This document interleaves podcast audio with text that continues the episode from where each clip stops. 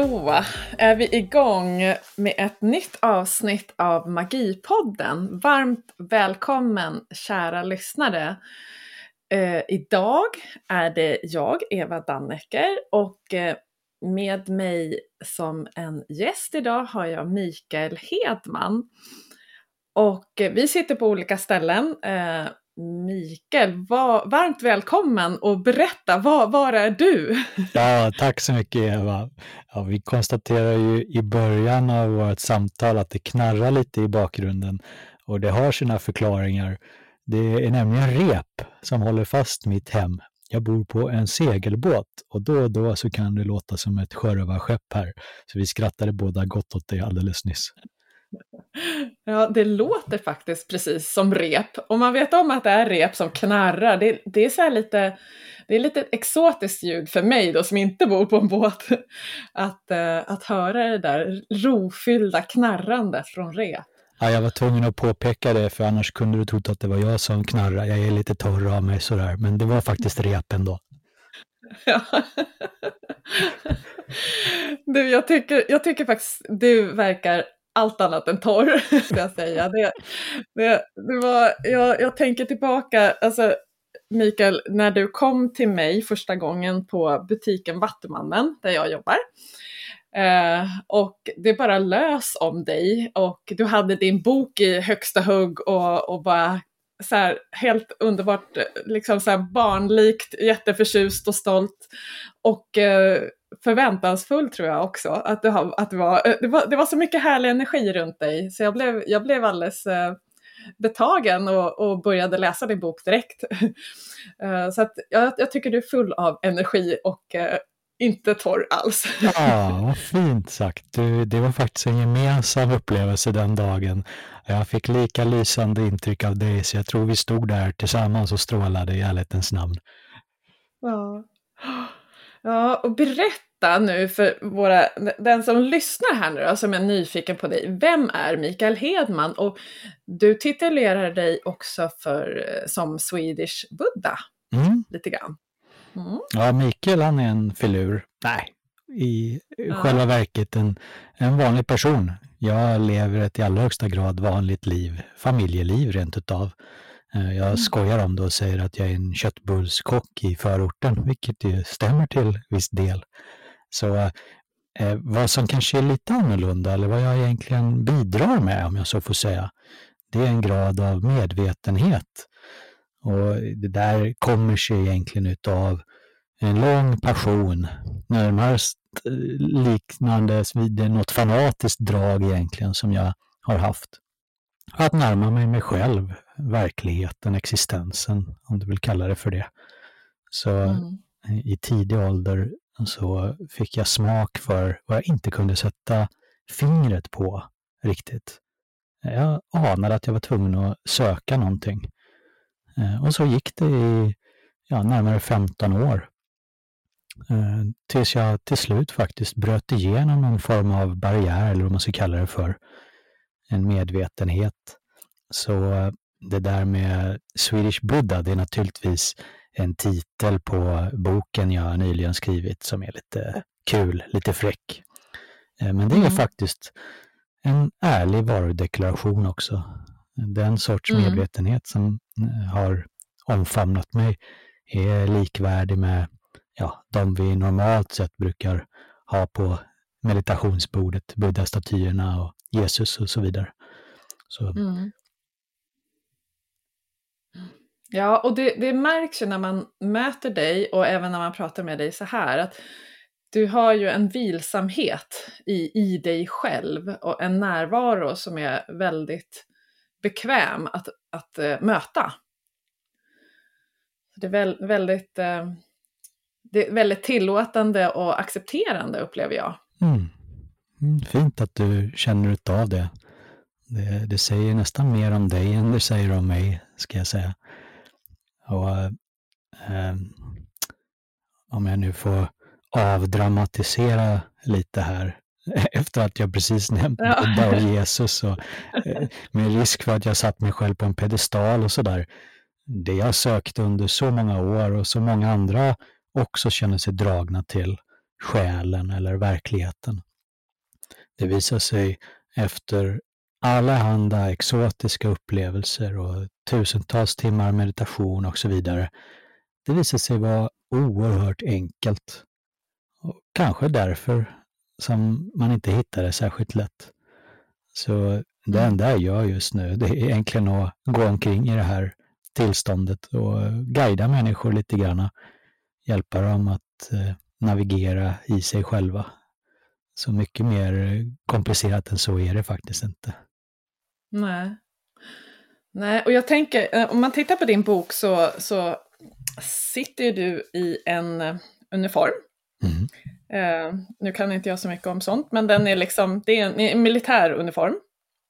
Så det är liksom en väldig kontrast och jag älskar kontraster. Det, jag tycker det är superspännande med livet och jag brukar alltid prata om kontraster som hjälper oss att få fatt i, i livet och, och uppleva livet mer genom de här kontrasterna. Så, eh, men kan du berätta lite grann, hur, hur kommer det sig? Eller liksom, du är ju officer på, från början så att säga. Du började din, ditt vuxenliv, eller ditt, från tidig vuxen, eh, ung vuxen, inom den banan i alla fall. Mm. Jag, jag minns när vi såg så jag klev in i affären och, och, och, eh, jag är väl inkännande som vem som helst och försöker vara hänsynsfull åtminstone hälften av gångerna höll jag på att säga. Och jag tänkte att jag hoppas jag inte stör någon här nu genom att ta med mig en bok med en soldat på framsidan. Eh, för ibland så associerar man andlighet, inre utveckling med, ja, säg pacifism eller att vissa saker är dåliga, andra är bra, så som att eh, militär verksamhet är dålig, om man nu säger så. Eh, så jag tänkte att jag, jag hoppas verkligen att eh, de ser värdet i det, eller åtminstone är lite nyfikna. Och så står du där, Eva, och inbegriper allt på ett sånt härligt sätt så jag kände ju oj, vilken bra dag att kliva in i den här fina butiken. Eh, och du sa just det du nu eh, upprepade att eh, ja, men allting, inte bara välkommet utan kontrasterna, det är de som har ett värde för oss ibland. Och, och det är just det som jag har poängterat lite grann med, den där, med det där omslaget. Det är jag själv som sitter och mediterar i uniform. Eh, och tittar man noggrant så ser man att jag till och med har ett vapen liggandes i knät, då, mitt gevär. Eh, och jag har väl haft den fördelen, kan man nästan kalla det, att jag aldrig hamnat i kontrastsituationer där någonting har verkat vara motsatt sanning eller det heliga, om man nu ska använda det ordet. Utan jag har alltid inbegripit allting, sett att det faktiskt har en roll, en naturlig roll. Och, och det är klart att militärer och krig är någonting bekymmersamt och tråkigt, må hända nödvändigt, i alla fall militärer då, i viss omfattning. Men eh, mm. eh, att inte sätta upp väggar inom sig och heller inte göra det utanför sig, det är till nytta för människor på den här resan, har jag märkt. Mm. Mm. Och jag tänker också, det handlar ju många gånger för mig också om vilken intention jag, jag gör saker med. Så den här vikten av att faktiskt stilla sig själv en stund och se eh, och låta sig känna och, och, få fatt i en intention in, inför varje handling egentligen är ju fantastiskt för att då, då, är, då blir det ännu mera eh, en ännu större mening med det vi gör och kommer från rätt ställe. Våra handlingar kommer liksom från rätt ställe, förhoppningsvis. Ja du sätter fingret på någonting fantastiskt viktigt.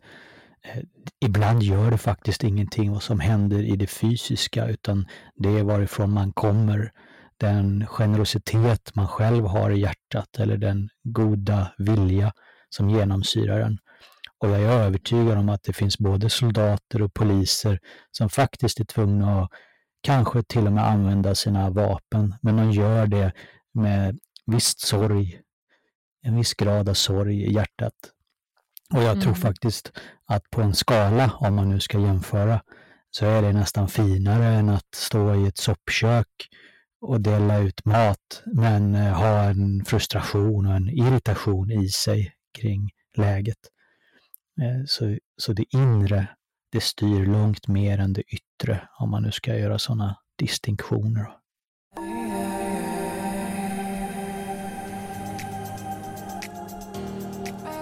Ja, jag kan verkligen, du som lyssnar, jag kan verkligen varmt rekommendera eh, Mikaels bok, eh, Swedish Buddha som den heter då. Och du har ju också en podd. Vi kommer lägga länkar och sådär eh, så att ni kan hitta dem. Eh, och jag ska också säga att vi har ju Tanja hälsar så jättemycket. Hon är hemma eh, och eh, kommer snart komma tillbaka. Hon har drabbats lite av de här covid eh, historierna som florerar nu.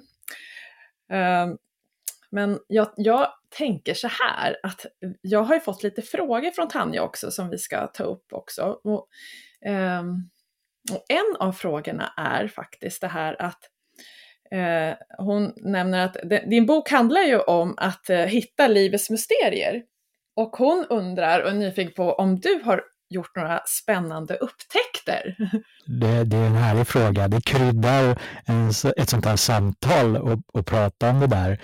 Eh, I ärlighetens namn så var det väl vad mitt liv gick ut på under, ja, kanske närmare tio år.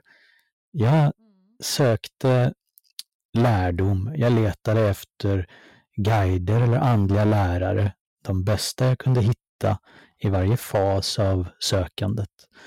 Och när jag nådde gränsen av en människa och såg att ja, men nu är vi faktiskt likvärdiga, ja, men då gick jag vidare. Och parallellt med det här så skolades jag till en mystiker och befann mig ofta ute i öknarna. Jag skrattar åt det där nu för jag var nästan alltid ute i solnedgången under natten. Så jag har sett ganska lite av öknarna under dagen. Men, eh, det har varit mörkt. Ja, det har varit mörkt, verkligen mörkt. Och, och kallt eller? Sken. Ja, eh, på, ja. på den delen av säsongen så är det riktigt kallt i öknarna. Ja. Eh, och det här var ofta ja. i Kalifornien där det finns fantastiska områden. Riktigt gamla mm. platser, om man så får säga. Så under hela den här perioden, som svar på din fråga, så sökte jag mer och mer extatiska tillstånd, befriade tillstånd, upphöjda eller vad man nu vill kalla det. Och gick igenom en den ena, en den andra nivån av, ja, vad är det egentligen? Det är ju egentligen exalterad medvetandetillstånd. Och, och ständigt i den där jakten när eh, hjärtat blir allt eller när man identifierar sig så fullständigt med skapelse eller fysisk form att man smälter samman med den. Eh, det finns ju många olika sorters upplevelser som sagt var. Eh, men mm. inget av det där riktigt tog hand om den där kliande platsen som man känner att den, den suger en framåt, den vill ha någonting. Så till slut fick jag inse, och jag måste säga nästan i desperation, att ja, men alla mina ansträngningar nu, och då har jag levt ett, ett liv från ja, tidig 20-årsålder till en bit in i 30, eh, som bara har gått ut på det här. Jag har haft en karriär och jag har jobbat vid sidan om, men mitt fokus har enbart varit min inre utveckling. Eh, och jag har inte nått någon vart. Eh, och, och eh, jag har haft en andra, än den ena meditationsupplevelsen, samadhi-tillstånd av olika slag som det heter. Eh, så, så jag bröt samman där och kände att fasen, det här går inte framåt. Eh, så, så det är väl avrundningen av exotiska händelser. Och därefter så följde en period av, ja, en helt annan resa, ska jag säga ganska befriad från eh, avancerade andliga tillstånd. Egentligen eh, så fundamental att man aldrig ens skulle titta i den riktningen. Um, men där visade sig eh, slutdestinationen finnas. Så det är lite av det jag pratar om och så här och gör nu för tiden. Jag visar människor den där korta vägen till sig själva. Och om man är färdig med all meditation och alla sådana där ansträngningar och på något sätt är ja, lagom utsliten om jag så får säga, ja, men då kommer det här budskapet väldigt lägligt. Mm. Mm. Jag blir lite nyfiken, alltså att, eh, eller inte backa bandet, men jag tänker så här, har du någon gång funderat på vad det var som gjorde, eller finns det någonting som du kan se som gjorde att du hamnade, att du, att du hade den här längtan mm. till att utforska ditt inre liksom från början? Eller, eller är det så att, det, att du liksom, att det bara har varit så alltid på något sätt? Mm. Ja, en fin, fin fråga. Eh, jag var ju en fyrkantig, nördig eh, ung man. Jag ville bli soldat av någon anledning. Förmodligen djupt liggande tendenser i mig. Så från 12-13 års ålder så började jag träna för det här, tro eller. Och i gymnasiet så tränade jag jättehårt för att bli den bästa soldat jag kunde bli då. Eh, och sen någonstans där i mitten av gymnasiet så började det inträffa sammanträffanden. Eh, och och där känner säkert många lyssnare igen sig alltså synkronicitet. Och till en mm. början så tycker man mest det är kul. Ja men hej Eva, vet du vad som hände? Äh, det är inte sant. Och så skrattar man åt det och sådär. Eh, men i mitt fall så skedde det så mycket att till slut kunde jag inte eh, förbise att någonting, någon verklighet här som inte finns i religionsböckerna i skolan alltså den måste jag upptäcka. Så, eh, så det skiftade mig från att vara den här fanatiska militären till att, eh, ja, jag kan ju skämtsamt berätta, medan jag var då i det militära så började jag äta vegetariskt just för att jag ville värna livet och så här. Så jag tränade soldater med kulsprutor och eh, åt vegetariskt samtidigt.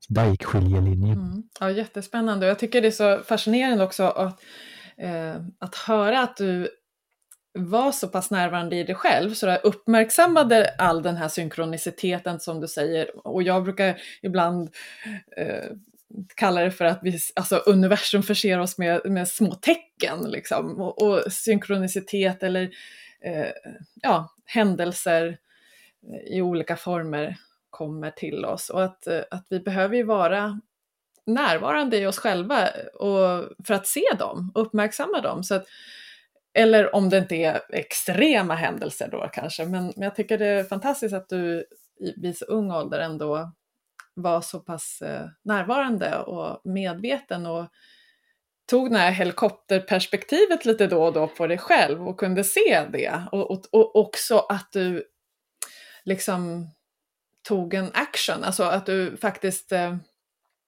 tog vara på de händelserna och insikterna och, och började handla därefter. Det är ju mm. fantastiskt. Mm. Och jättespännande. Alltså, eh, din livsresa är ju väldigt fascinerande. Du säger det nog där. Eh, när man börjar se det där så är det faktiskt inte för att, i alla fall inte oftast för att verkligheten ändrar sig och skapar sådana sammanträffanden, utan snarare för att ens medvetenhet har nått en viss tröskelnivå och så börjar man faktiskt upptäcka vad som sker, kopplingar eh, omkring sig och i sig. Så, och det säger absolut inte någonting om din komplimang eh, är varm i mitt hjärta och, och så, så det var nog snarare intensiteten i sammanträffandena som väckte mig likt en klubba som slog mig i huvudet. Så det var inte att ja. jag var receptiv, det var bara som kraft i det där. Ehm, så, så jag vill få tacka eh, synkroniciteten, annars hade jag fortfarande varit soldat eh, ännu. Ja, ja, ja. ja, spännande i alla fall. Och att, att du då sen hamnade på en stor resa över det stora havet till andra sidan i USA. Uh, ja, jättehäftigt. Um, jag kan ju ställa tusen frågor om, om öken där också och, och, om du var rädd och sånt där. Men jag tänkte mm. det kanske, ja, jag vet inte, är det någon, någonting som sticker ut liksom som du vill berätta om just det? Ja, jag tycker det är en fin eh, vinkeln på ökenupplevelsen. För man kan lätt tänka att eh, ja, det där är nog eh, spännande, läckert, rent utav. Eh, men mm. precis som du säger, eh, i öknen finns ett mått av eh, fara, kan man nog rent mm. ut sagt kalla det. De mm. energier och möjligheter som finns där, likt en strand med stora vågor som man kan surfa på, ja men det är inte Halland, så att säga, eller någon, någon vänlig liten strand, utan det här är Stilla havets strand med stora vågor. Det är därför man tar sig ut i öknen. Och folk har gjort det i tusentals år med samma avsikt. Eh, så några gånger så gick jag i gränszonen kring vad jag klarade av och, och kände utav saker där ute som var direkt dåliga för en. Det vill säga, hmm, jag kan likna det vid att gå i en, en trång gränd i en stad. Och det här är inget bra område. Man känner att här löper man faktiskt en risk för överfall eller rån. Den sortens hot finns i öknen också, men på de inre planen. Och att jag ens var ute i öknen ensam nattetid, det gick stick i stäv med de mycket tydliga instruktioner som den här gruppen mystiker styrdes utav. Så aldrig ut i öknen på egen hand. Alltid vara där med ett tydligt syfte, inte bara hänga där och låta sig bli påverkad. Eh, men eh, ja, på grund av min karaktär kanske så har jag alltid gått den här egna vägen till för och nackdel. Då. Eh, oftast mm. nackdel, ska jag tillägga. så, okay. mm. Mm. Berätta mm. själv Eva, det, det blir väldigt enahanda här när jag intervjuas, vilket jag förstår, det är ju syftet med podden. Men, men du sitter säkert på så många fina berättelser och jag, egentligen blir jag lite trött på att höra min röst om man får säga så. så vad har du själv för upplevelser? Ja, oj. Eh, de är, de är ja, alltså det, nu har jag inte alls någon fokus på mig just nu tänkte jag säga, men eh, mina upplevelser, när jag ser på dem och tänker på dem lite snabbt så här så är de väldigt mjuka och kanske inte kantade av så mycket dramatik. Ehm, jag, jag, har, jag har liksom alltid dragits till djur och natur och, och sen också relationer och, och där har väl jag hittat min, min väg och, och mina utmaningar och, och liksom mina funderingar och sådär med, med livets kontraster. Det, det är glädjeämnen och det är sorg och det är liksom eh, liv och död och, och och jag, jag tycker om att se de kontrasterna eller sambanden i naturen och i mig själv. Och ja, jag har haft en väldigt livlig fantasi som barn så jag, jag har tyckt om att vara själv och leka själv och leka ute med stenar och kottar och sånt där. så ja, mm den har varit lite mindre dramatisk. och jag har inte farit iväg på några livsresor, omtumlande livsresor. Utan jag har nog bedrivit en ganska stillsam process framåt i min medvetenhet eller mm. mitt, mitt sätt att lära känna mig själv kan jag säga. Ja, mm. ja den som lyssnar jag... på oss två får ju verkligen en fin blick av att den här sortens utveckling kan ta vilka former den än tar. Det är verkligen inte beroende av en öken eller någonting, utan eh, den har inget mönster den här resan. Det är väl det man kan dra slutsatsen kring.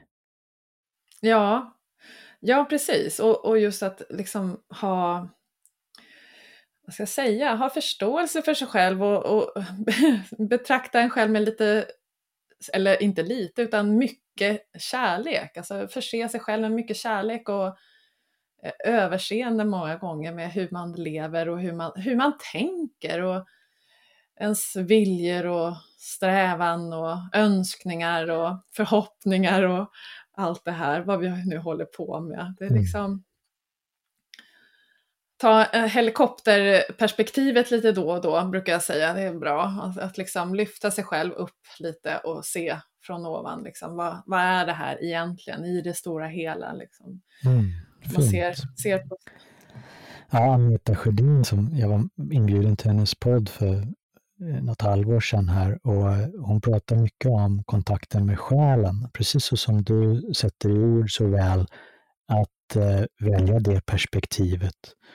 Eh, men vad jag tycker du säger som är än viktigare, det är det där med vänligheten eller kärleken till sig själv. Och det rymmer så stort värde. Och det är också det sista man gör, konstigt nog. Man kan vara en hur kärleksfull människa som helst till sin omgivning och barn, familj och sådär. Och så är man ändå lite hård med de där svåra känslorna som kommer upp igen. Eller kanske att man är trött och inte orkar eller inte vill. Eh, och, och där mm. står man med den där piskan på sig själv, eller åtminstone den lite arga blicken på sig själv igen. Och det är konstigt, men så är det faktiskt med vårt psyke. Så när man börjar värma upp där och mjukna upp, ja, då händer det grejer igen. Mm. Har du några tips till, till våra kära lyssnare, till liksom hur, man kan, hur man kan komma dit till att liksom vara mer i nuet och, och landa mm. och acceptera våra, våra liv. Mm, det, och, och, ja, förlåt, jag avbröt dig där. Fortsätt du. Men jag tänkte, för det är så lätt att vi också går in i det här med att värdera. Det tycker jag också är jättespännande. Att vi liksom tenderar till att värdera saker som bra eller dåligt och, och, och liksom vilja sträva mot det som känns bra och, och distansera oss från det som känns dåligt. Och ja, i slutet av dagen, om man nu gör det, så kanske man summerar dagen och skriver upp det som har varit bra och så vill man helst inte tänka på det som har varit dåligt. Och, ja, vi håller på med massa konstigheter. Har du något tips på hur man liksom kan bli mer i nuet och mer levande i det som sker, oavsett vad som sker? Mm. Jag.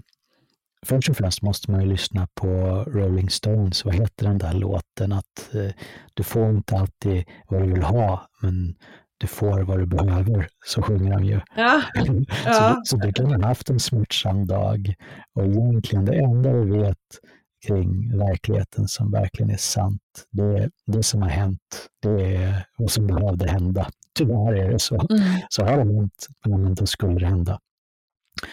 Uh, men tillbaks till lite mer seriösa och hur man kan vara här och nu. Eh, det har nästan blivit ett begrepp. Alltså det är inte bara människor som mediterar och har det här intresset som kommer in i, i bokaffären Vattumannen som fattar att vara här och nu. Eh, på 80-90-talet så kanske man hade en kylskåpsmanet där det stod Carpe Diem, fånga dagen och sådär. Det var det närmaste man kom. Och sen mm. så skrev författaren Eckart Tolle boken Power of Now och så blev det ett mer tydligt begrepp. Här och nu mm. så finns inte alla problem och, och så vidare. Och nu så har alla en förståelse för att vara här och nu, så det är verkligen en fantastisk revolution. Jag som så att säga är i en position där och kan guida lite grann, jag skulle nog vända på det så istället för att försöka vara här och nu, försök att vara det som uppträder för dig själv. Så märker du att du är stressad och distraherad. Du är inte alls här och nu. Gör inte våld på dig själv och försök tämja eller förändra det som pågår. Utan ha det du har. Och sitt med den kroppen och känslorna i den som spänner och sticker och trycker över bröstkorg och sånt där. Alltså följden av att eh, vara uppsnurrad i tankar och perspektiv och inte vara här och nu. Möt den verkligheten, för det är verkligen verkligheten som uppträder. Och, och vi letar alltid efter ett finare, högre, mjukare tillstånd, någonting som är mer bekvämt.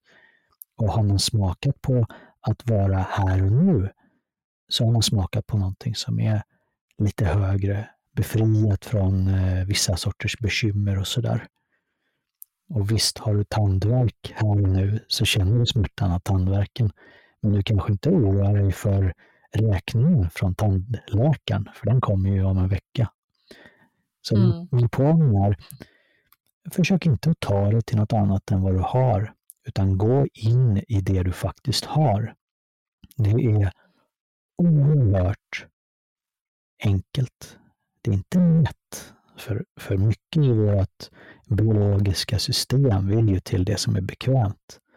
Men om du kan sitta, om så bara tio minuter, med att du är, har ångest, du är ledsen, du är ensam eller frustrerad, vad som finns i dig, tom kanske. Och så tar du fram det där som du just nämnde Eva, vänligheten. Så trots att mm. det är det sista du faktiskt skulle tänka på, för det är så fruktansvärt jobbigt i, i kroppen utav känslan, så tar du försiktigt handen in i bröstkorgen och plockar fram en liten glutta värme och faktiskt sträcker den över till känslan. Och, det går bra att säga att jag lider verkligen utav det här och, och, och jag har sånt motstånd mot dig, men jag fattar att du också ska finnas. Och känns inte det för konstlat eller ansträngt, så, så gör det. Prova det. Skapa fred med det du minst av allt vill ha. Där i ligger lösningen. Mm. Mm, och, mm, jättekul. Alltså jag, jag gillar ju att prata känslor. Mm. jag, tyck, ja, jag brukar säga det, känslorna är ju liksom, känslor är ju faktiskt bara känslor. De är inget annat än så. Och de är ju mycket information till oss själva. Ja, just det. Och, och om vi kan tacka för den informationen så har de ju gjort sitt jobb och sen är det dags för nästa information eller ledtråd. Ja. ja, det är en sund inställning. Det finns enorm intelligens i känslorna. Och vi är ju vana vid att ha en mental intelligens som resonerar och bygger eh, slutsatser och sådär. Eh, så det är lite av ett skifte att faktiskt vinkla sig in till någonting i sig som mm. dessutom är olustigt ofta. För, mm. för glädje och entusiasm och kärlek och sånt där, det, det har vi lätt att integrera. Hela kroppen bubblar av eh, glädje ibland. Men mm. Eh, just den där sorgen, det vänder vi oss bort ifrån och det försöker vi förstå så att vi kan rensa bort det. Och något av det värsta man kan göra om man är andligt intresserad, det är att meditera för att få lugn i sig enkom. Det gjorde jag själv under många, många år, så därför vet jag eh, det sätt som man verkligen gör framsteg i sig på, det, det är att vända sig till känslorna och, och mm. krama dem egentligen, bli ett med dem. Mm. Och det är en dold väg för de flesta. Det går emot våran instinkt och våra slutsatser om vad som ska bli bra för oss. Det är det sista mm. stället som man letar på. Ja, men precis. Det, det, blir liksom på något sätt lite för enkelt. Ja. Om, det, om det är det som är vägen. Ja, ja. ja och tänk så många som väljer, eh, vänder sig till eh, andliga lärare och så här. Eh, och, och de ger en guidning och man följer den guidningen. Och i själva verket så sitter man redan på skatten och den finns i mm. en i form av de där svårigheterna. Alltså inte mm. olikt eh, Luna Cohens sång där om eh, att eh, det är sprickan i dig som ljuset kommer in. Eh, mm. Och möjligtvis med den skillnaden att genom sprickan så kan du ta dig in till dig själv. Det kanske inte kommer så mycket ljus genom de sprickorna. Det kommer svart jox mm. och tråkigheter. Men, men en bra passage in till dig och sanningen.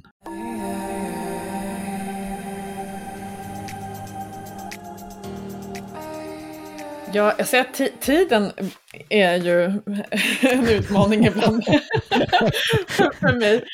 Men jag tänkte jag skulle hinna med en, en fråga till faktiskt från, från Tanja. Mm. Ja, eh, och hon berättar att eh, hon var, eh, när hon utbildade sig till mindfulness och meditationscoach så hade hon en stor utmaning i tålamod och vänta in och bara vara.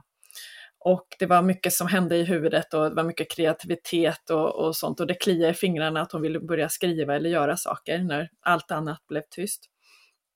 Eh, och det var liksom hennes utmaning då. Eh, vad, vad, skulle du se, säga eh, är din livsutmaning? Ja men Åh gud Eva, vi, vi har ju bara några minuter kvar. Jag skulle bara 25 minuter för det här, vad, vad trivsamt. ja, för att beskriva principen som kanske skiljer sig. Alltså jag har enormt dåligt tålamod, du anar inte.